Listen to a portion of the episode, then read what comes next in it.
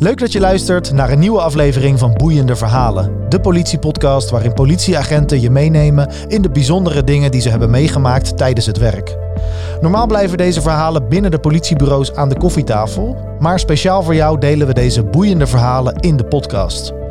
Vandaag het verhaal van inspecteur Patrick. Je weet wel, die al eerder een verhaal heeft verteld over iets met een pen op een plek waar die niet hoort. En ditmaal heeft hij een uh, ander heftig ja, een best wel spannend verhaal. Namelijk een situatie waarin hij er helemaal even alleen voor stond als politieagent. Je luistert naar boeiende verhalen.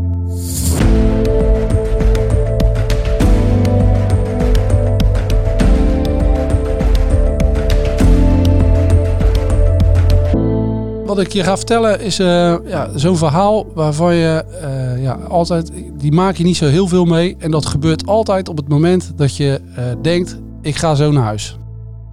Ik uh, weet nog goed uh, dat ik, uh, ik was onderweg vanuit het districtsbureau onderweg naar het wijkteam waar ik destijds werkte.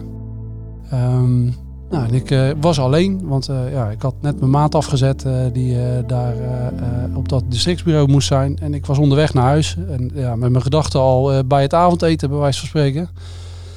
En terwijl ik daar rij, zie ik ineens een hoop mensen uh, ja, die beginnen te zwaaien. Ik reed in een opvallende politieauto, dus uh, ja, iedereen zag mij daar wel rijden. En op het moment dat ik uh, aange... ja, ik zie echt wel best wel een hoop paniek. Nou ja, dan stap je natuurlijk uit, want ja, je, kan er niet zomaar voorbij rijden. Um, en op het moment dat ik uitstap, zie ik ineens een vent, nou echt onder het bloed. Van zijn kruin tot aan zijn tenen. Nou, hij liep een beetje raar hij leek een beetje op die kerel uit uh, Men in Black. Die dan uh, zeg maar ingenomen is door zo'n alien. En dan echt op een gekke manier door die straat heen wandelt. Zo liep die kerel er ook bij. Dat was ook gelijk de associatie die ik erbij had. Van ah, dit, die spoor niet. Nou, dat klopt wel. Want hij haalde ook gelijk een bel achter zijn rug vandaan. En ja, die kerel die was aan de ene kant ook echt wel in paniek. maar aan de andere kant ja, was hij ook behoorlijk agressief. Want nou, niemand kon bij hem in de buurt komen.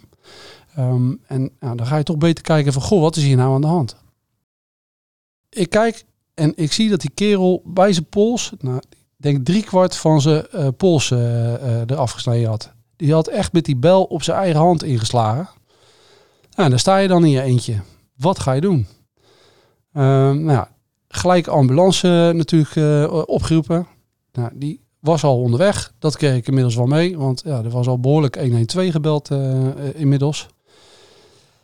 En dan sta je in die hectiek, in je eentje, met die vent die eigenlijk maar één ding wil. Dat is jouw kop eraf hakken, want jij hebt een uniform aan. En je wil, uh, maar ja, aan de andere kant, je wil die kerel ook helpen. Want uiteindelijk staat er wel iemand die aan de doodbloed is. En dan al die mensen om je heen die ook vinden dat je wat moet doen. Maar ja, een vent met een bel, hoe ga je daar nou mee om?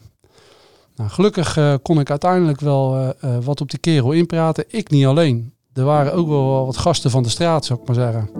Die daar ook toch wel enigszins in bemiddelden. Die gozer toch wat rustiger konden maanden.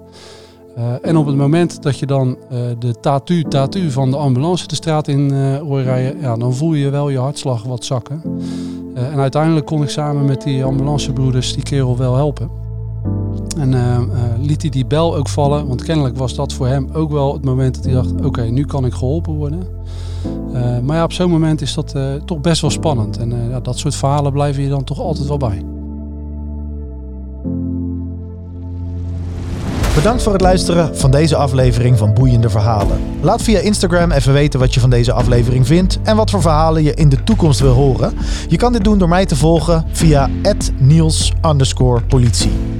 Volgende week is er weer een reguliere aflevering van Boeiende Podcast. En de week daarna verschijnt er weer een aflevering van Boeiende Verhalen. Tot volgende week.